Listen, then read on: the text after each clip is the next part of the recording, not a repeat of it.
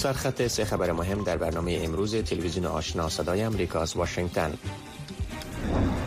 پاتریشا گاسمن معاون بخش آسیا در دیدبان حقوق بشر اخیرا در گزارشی گفته است که با توجه به ادامه تهدیدات طالبان در افغانستان بسیاری از فعالان و خبرنگاران افغان برای نجات خود مجبور شدن در مکانهای مخفی زندگی کنند. شاه محمود قریشی رهبر مخالفین حکومت پاکستان روز شنبه ساعاتی پس از آن توقیف شد که او گفته بود هر گونه تأخیر در انتخابات کشورش را در محاکم و آزمون خواهد کشید و مقامات حکومتی در شهر کورسک روسیه از یک حمله تیاره درون اوکراین گزارش دادند و ادعا کردند که پنج نفر در آن حمله زخمی شده است.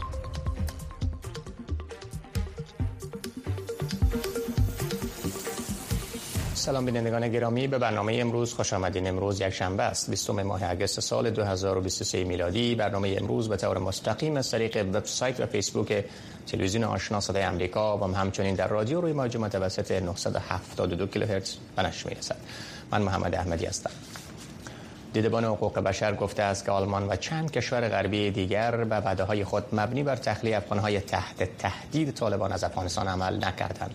برنامه پذیرش فدرال که در اکتبر سال 2022 آغاز شد قرار بود یک هزار افغان را ماهانه از افغانستان تخلیه کند. اما این برنامه با مشکلات روبرو شده است. پاتریشا گاسمن معاون بخش آسیا در دیدبان حقوق بشر اخیرا در گزارشی گفت که با توجه به ادامه تهدیدات طالبان در افغانستان بسیاری از فعالان و خبرنگاران افغان برای نجات خود مجبور شدن در مکانهای مخفی زندگی کنند. گاسمن گفته است که روند پیام های واتساپ افغان های گیر مانده که از اگست سال 2021 از قندهار یا کابل دریافت می‌کرد کند شده اما متوقف نشده است. و افزود که از شرافت خبرنگار پیشین فعال حقوق زنان و کارمندان اداره انکشافی آلمان در هشت ماه گذشته پیام های نامید کننده دریافت کرده است. زیرا به گفته گاسمن راه های رسیدن به امنیت برای او بسته شده است. به گفته گاسمن از آن زمان به جاهای از آن زمان او به جاهای مختلف در رفت آمد بوده است. چون می‌داند که بار بعدی اگر به دست طالبان بیفتد ممکن است زنده نماند. گاسمن گفت از آنجایی که شرافت برای اداره انکشافی آلمان جی کار می‌کرد برای اسکان مجدد تحت برنامه اقامت فدرال آلمان درخواست داد. این برنامه برای افغانهایی را اندازی شده بود که به دلیل روابطشان با حکومت‌های خارجی در معرض خطر هستند. طوری که در خبر پیشتر ذکر شد دیدبان حقوق بشر گفته است که آلمان و چند کشور غربی دیگر به وعده های خود مبنی بر تخلیه افغانهای تحت تحت تهدید طالبان از افغانستان عمل نکردند. در حالی که دو سال از حکومت طالبان میگذرد تهدید طالبان برای توقیف کارمندان سابق مؤسسات خارجی خبرنگاران و فعالان مدنی و حکومت پیشین همچنان ادامه دارد. دلایل بتی بودن یا عمل نکردن کشورهای غربی به تعهدات خود مبنی بر تخلیه افغانهای در خطر چه هست؟ این موضوع را با خانم عذرا جعفری فعال حقوق زنان و مهاجرین در ایالت مریلند آمریکا بحث می‌کنیم. سلام خانم جعفری صبح شما بخیر. برنامه پذیرش فدرال آلمان که در اکتبر سال 2022 قسمی که در خبر آمد آغاز شد قرار بود یک هزار افغان را ماهانه از افغانستان تخلیه بکنه. اما این برنامه با مشکلات روبرو شده در اساس گزارش دیدبان حقوق بشر گفته که وزارت خارجه آلمان این برنامه تخلیه را گفته افغانهای در معرض خطر به دلیل ترس از کافی نبودن اقدامات بررسی اسناد به حالت تعلیق در آورده یعنی از ماه مارچ. آیا این دلیل کافی و موجه برای تعلیق تخلیه افغان ها است؟ فکر می‌کنین مشکلات دیگه کشورهای غربی چی است؟ اولا سلام می‌کنم خدمت شما و تمام بینندگان رادیو آشنا. من فکر می‌کنم که روند تخلیه مهاجرین در کشورهای غربی و بخصوص در آمریکا همچنین دلایل خیلی زیادی می‌تونه باشه که من می‌تونم از از او جمله یک روند می‌کند پذیرش یا مراحل وقتگیر روند پناهندگی را اینا می‌تونم نام ببرم. به این معنا که متاسفانه کشورهای غربی روند پذیرش مهاجرین یعنی پناهجوهای افغانستان کسانی که واقعا جانشان در خطر هست روند پذیرش از اینها را دقیقا مانند کسانی بررسی می‌کنن که در یک شرایط عادی شرایط پناهندگی دادن و می‌خواهند که مسناد و مدارک و کل آنچه که اونها در نظر دارن از لحاظ اداره پناهندگیشون اونها را در, در دست داشته باشن ولی با توجه به وضعیتی که افغانستان هست با توجه به حالت اضطراری که در افغانستان وجود داره این روند باید یک سری از استثناءات برای افغان ها افغانستانی ها برداشته شود. که این متاسفانه هنوز برداشته نشده فقط در یک سال اول یک مقدار چشم پوشی شد اما نه به اون مقداری که انتظار داشتن انتظار داشتیم. دیگه موردی که هست متاسفانه فساد گسترده ای که در روند تخلیه وجود داره. ما در طول همین دو سالی که گذشت گزارش های خیلی زیادی دریافت کردیم از کسانی که باید تخلیه می شدن اما به جای اونها کسای دیگه تخلیه شدن. متاسفانه روند تخلیه در دست کسانی هست که امو موضوع تبعیض تبعیض نژادی تبعیض محلی تبعیض زبانی این مسائل در نظر می‌گیرن و فرزن افراد کسانی که باید در روند تخلیه قرار بگیرن. اونها قرار نمی‌گیرن و افراد دیگه ای که مستحق نیستن اینها به نام فعالین حقوق زن با معترضین زنان یا خبرنگاران یا افراد در معرض خطر متاسفانه انتقال پیدا می‌کنن. بله خانم جعفری فکر می‌کنه آیا همین دلیلی که برشمردن یعنی چیزی که شما گفتین یعنی موضوع فساد آیا یکی از دلایل دیگه اصلی می‌تونه برای تأخیر یا طولانی شدن روند شده باشه؟ نه من دارم, دارم عنوان می‌کنم که یک اینها از جمله مواردی هست که میشه عنوان کرد. دیگه مورد تاخیر ای هست که من فکر می‌کنم کشورهای غربی به شمول آمریکا اینها در تلاش از این هستند که یک راه و مسیری برای توافق با طالبان پیدا بکنن.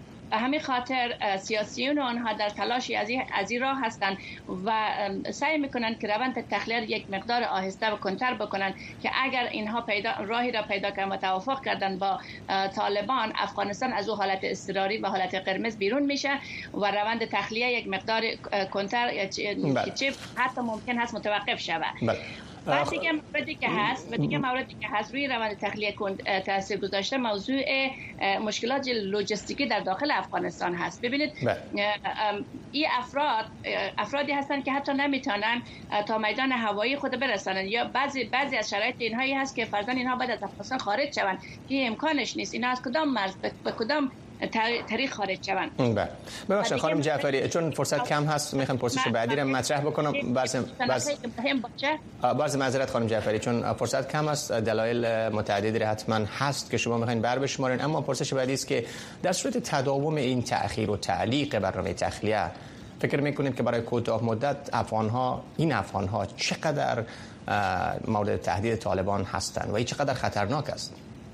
متاسفانه افرادی که جانشان در خطر هست هر لحظه و هر هر آن امکان ازیر دارند که جانشان در خطر باشه. به خاطر از اینکه امیال هر روز دسترسی به اونها کمتر میشه. ببینید سوشال میدیا و تمام راه های ارتباطی که اونها داشتن تنها تنها راه ارتباطش معمولا امی سوشال میدیا بود. که الان هر روز بین کنترل بر, بر, بر اینترنت و کنترل بر سوشال میدیا در افغانستان زیاد شده و و همچنین کنترل طالبان بر محلات زیادتر شده چک پاین های اونها بیشتر شده تلاشی خانه ها بیشتر شده و آماری که اونها از افرادی که برای دولت های غربی کار می‌کردن یا همراه در پروژه ها یا به صورت مستقیم یا غیر مستقیم اینها هر روز این آمار بیشتر و شفافتر می‌گیرن.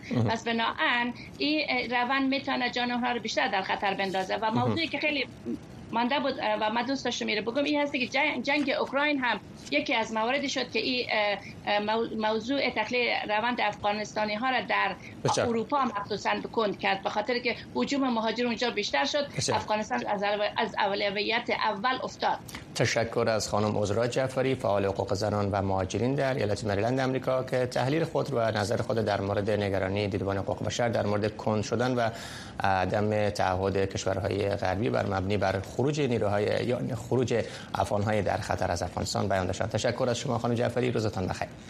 زنده باشید. تشکر.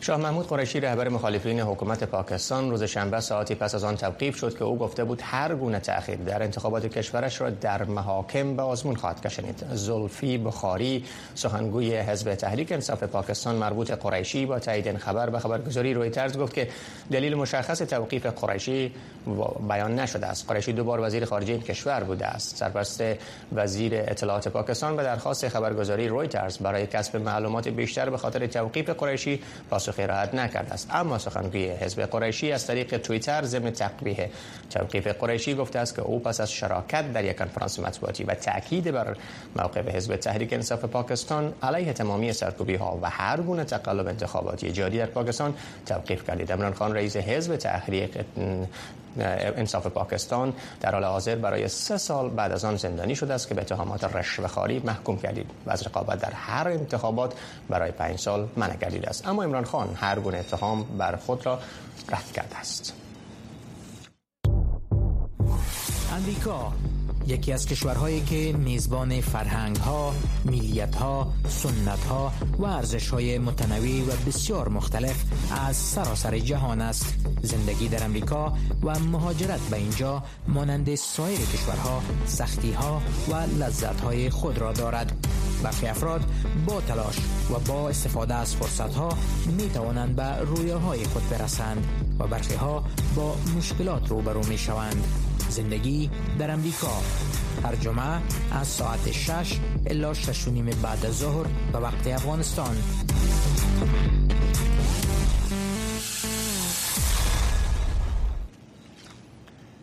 نخستین مأموریت روسیه در کره ماه در 47 سال بعد از آن ناکام ماند که سفینه فضایی لونای 27 کشور از کنترل خارج شد و با ماه برخورد کرد.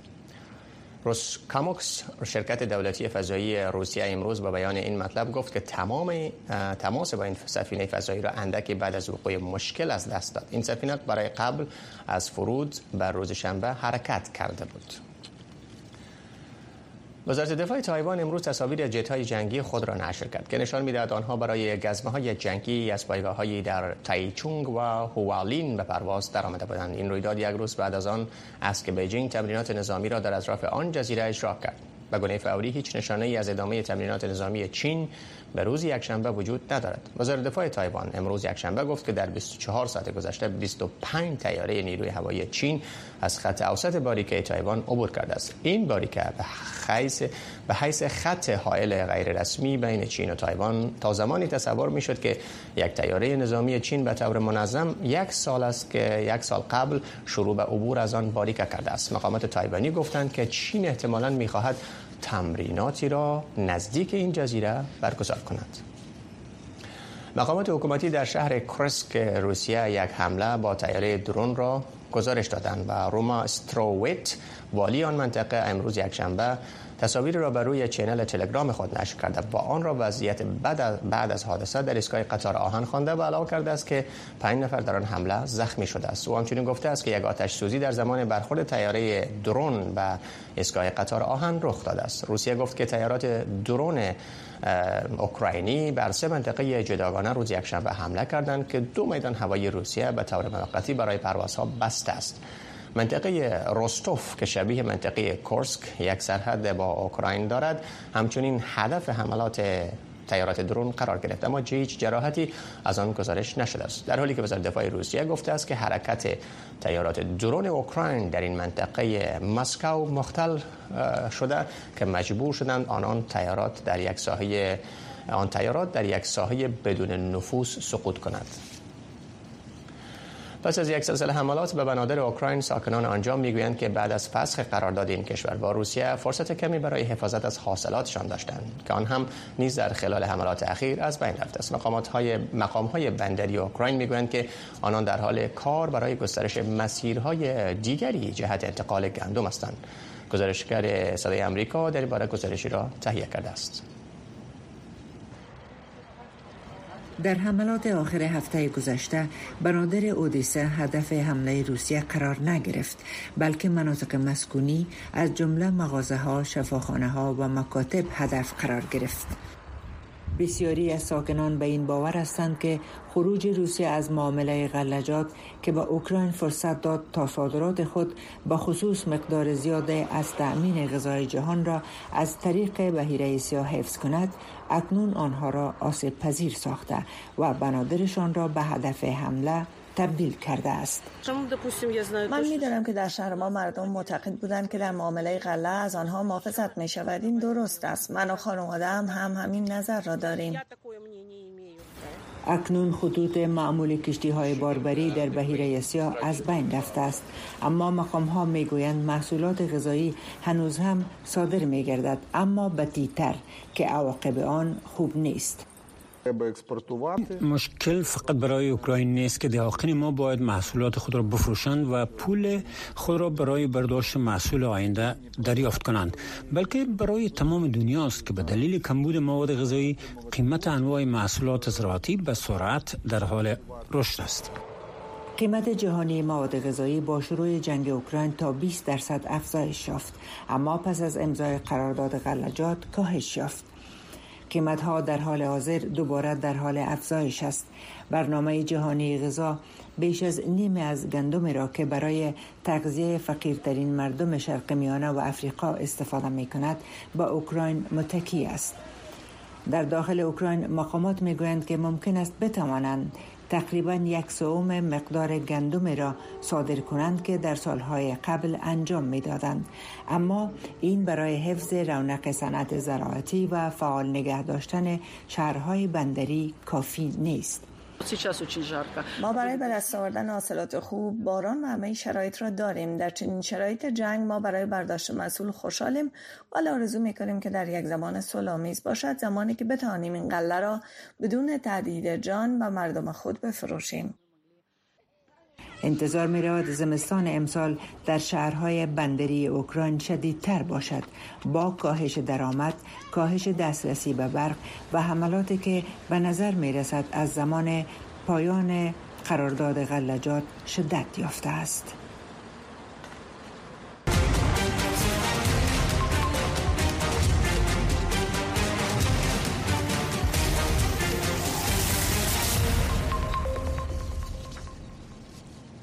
لطف الله تقایف از تاجیکستان فارغ برنامه فول برایت و رئیس مرکز اسمارت هاب برای پناهجویان افغان مقیم تاجیکستان هست که چهار کورس آنلاین را در بخش دیجیتال آماده کرده.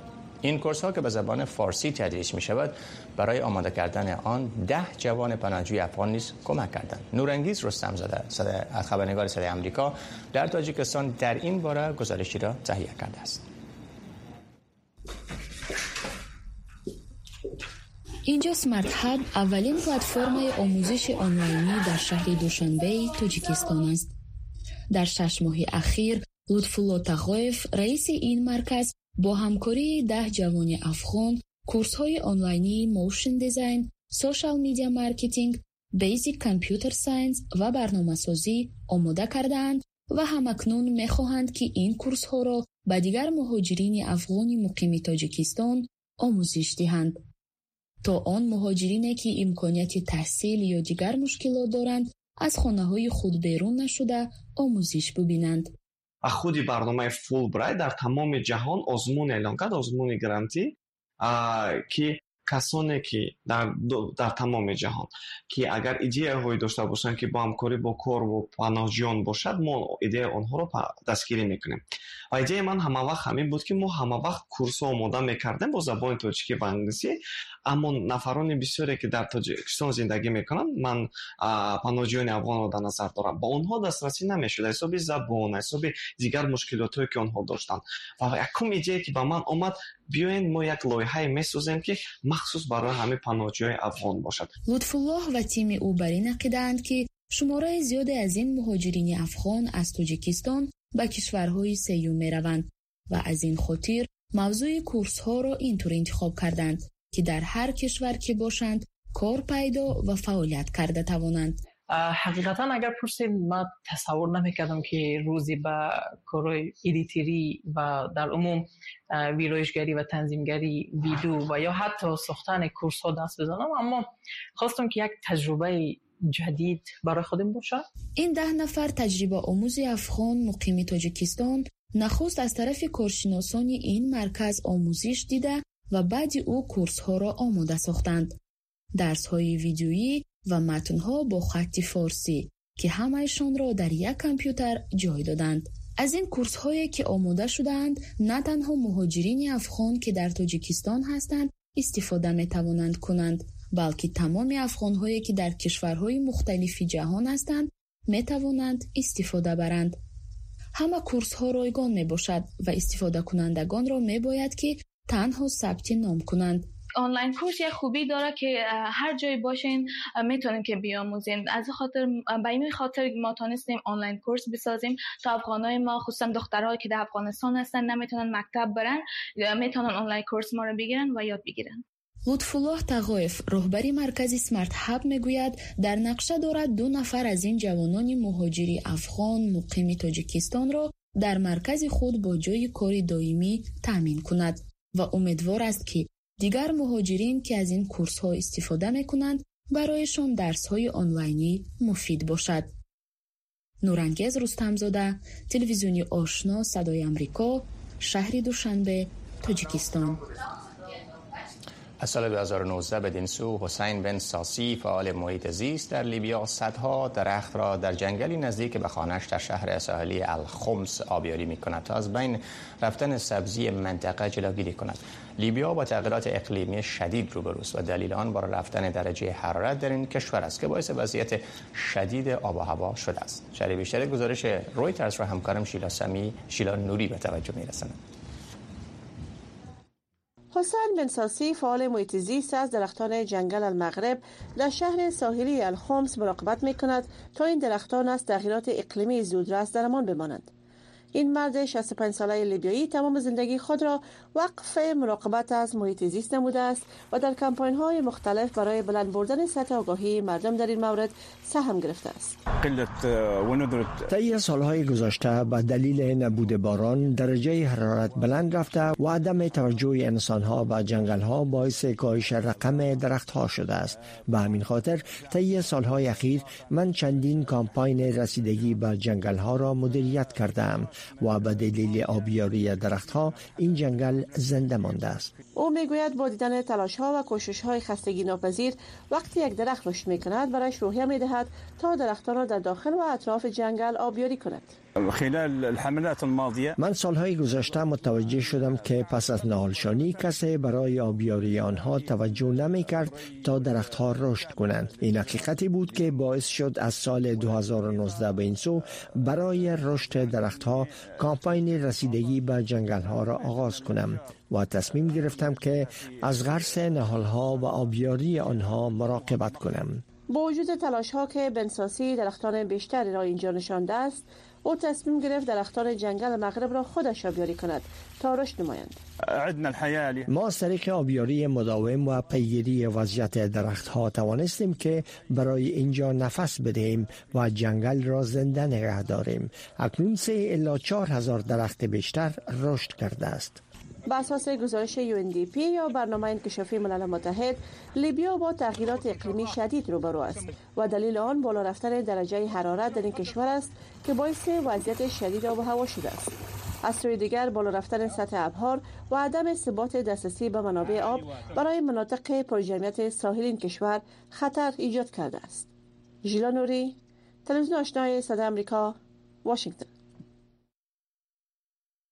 در عصر و زمان تغییر که جهان نامطمئن به نظر می رسد و آنچه میشنویم منعکس کننده آنچه می بینیم نیست ما به دنبال حقیقت می براییم وقتی تنها بخشی از حقیقت و آنچه اتفاق افتاده به ما گفته می شود اعتماد از بین می رود رویاها آرزوها و خواهشاتمان برای یک فردای بهتر به مطبوعات آزاد بستگی دارد.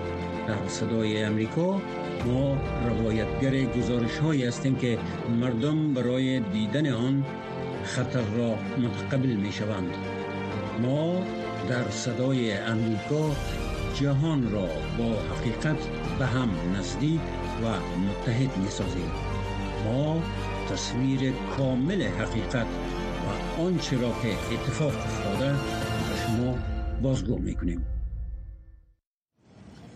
یک روستای کوچک در بلغاریا به خاطر نمایش نقاشی های خیابانی مورد توجه گسترده قرار گرفته است. هنرمندان نقاشی های از تصاویر رهبران جهان، شخصیت های کارتونی و سمبل های فرهنگی را در این روستا به نمایش گذاشتند. خبرگزاری اسوسییتد پرس در این باره گزارشی را تهیه کرده است. اگر شما از داخل روستای استارو زاری در مرکز بلغاریا عبور کنید خدا در محاصره چهره های مشهور واقعی و تخیلی میابید شما تصاویر کارتونی رنگارنگی را روی دیوار در کنار رهبران جهان می‌بینید. خرس پنده کانگ بین ولادیمیر پوتین رئیس جمهور روسیه و ولادیمیر زلنسکی رئیس جمهور اوکراین نشان داده می شود طی یک دهه گذشته این روستا به خاطر نقاشی های هنری خیابانی معاصر مشهور شده است. هر تابستان هنرمندان در این محله ظاهر می شوند تا خلاقیت های هنری تازه ای را که از خبرها و فرهنگ جهان است از گذشته و آینده به نمایش بگذارند آنها طراحی های هنریشان را بر روی دیوارهای خانه ها و کتاره های حفاظتی نقاشی می کنند. تصاویر شخصیت های تاریخی مثل اندراگاندی هند که در حال سخن گفتن با فیدل کاسترو رهبر کوباست در این نقاشی ها دیده می شود. بیتل ها با تصاویر یک باشنده محلی روی یک دیوار نقاشی شده است و جو بایدن رئیس جمهوری ایالات متحده نیز با الهام گیری از اثر هنرمند پاپ اندی وارهول که گاوهای صورتی رنگ را نقاشی کرده در میان این آثار هنری دیده می شود. این پروژه خلق آثار هنری توسط کتر زینا و ونتیسیسلاو پریانوکوف خانواده هنرمند بلغاریایی پولندی تبار و کمک دانشجویانش از شهر پوزنان در پولند سازماندهی شده است. من فکر می کنم ونسی با یک ایده بزرگ این کار را آغاز کرده است. کار متفاوت در این روستا و بنابراین برای ما کارآموزان هنر جای است که ما میاییم و چیزی یاد می‌گیریم و دیواری برای نقاشی کردن روی آن داریم و این روستا منبع درآمد پیدا می کند این که مردم برای دیدن این روستا می آیند و امیدوارم این کار به این روستا کمک کند تا شگوفان گردد. برای هنرمندان هنر راه بزرگی برای بیان احساساتشان و خصوص برای بیان جنگ است. بنابراین این طریقه راه بزرگی برای بیان ناامیدی است که ما در خود در مورد بیمنی بودن جنگ جاری داریم. کاترزینا پریانکوف هنرمند و مدیر این پروژه می‌گوید که خانوادهش می‌خواهد که نظریه جهانی شدن را نشان دهد که یک مادر کلان از یک روستای بلغاریا می‌تواند در کنار یک رهبر ابرقدرت جهان بنشیند. بسیاری از مردم در این روستا و سایر روستاها از خانه هایشان خارج می شوند. بعد از ظهر روی چوکی ها می نشینند و منتظر کسی هستند که از کنارشان عبور کند و با آنها کمی صحبت کنند. و ما همچنین تصمیم گرفتیم از طریق یک پروژه برخی افراد مهم سیاسی فرهنگی در جهان و برخی افراد سرشناس را دعوت کنیم تا بیایند و روی این چوکی های بیرون از خانه بنشینند البته که نقاشی به طور سمبولیک ظاهر می شود و در جای قرار می گیرد که برای کسی شناخته شدن نیست. اما اینجا مرکز زندگی است. مرکز دانش زندگی است. اولاف شولز صدر اعظم آلمان و ایمانوئل مکرون رئیس جمهور فرانسه در کنار تصویری از شخصیت های دوست داشتنی مثل شخصیت های کارتونی دیده می شود امسال در کنار شخصیت های سیاسی برجسته هنرمندان تصاویری از شخصیت های شناخته شده تلویزیونی مثل جک سپرو، کاپتن هوک و دکتر دولیتل را نقاشی کردند. این روستا حدود 400 باشنده دارد. حالا آنها تازه ترین آثار هنری نقاشی شده بین خانه هایشان را با تصاویر افراد سرشناس از دنیای واقعی و خیالی به نمایش گذاشتند. محمد احمدی تلویزیون آشنا صدای آمریکا واشنگتن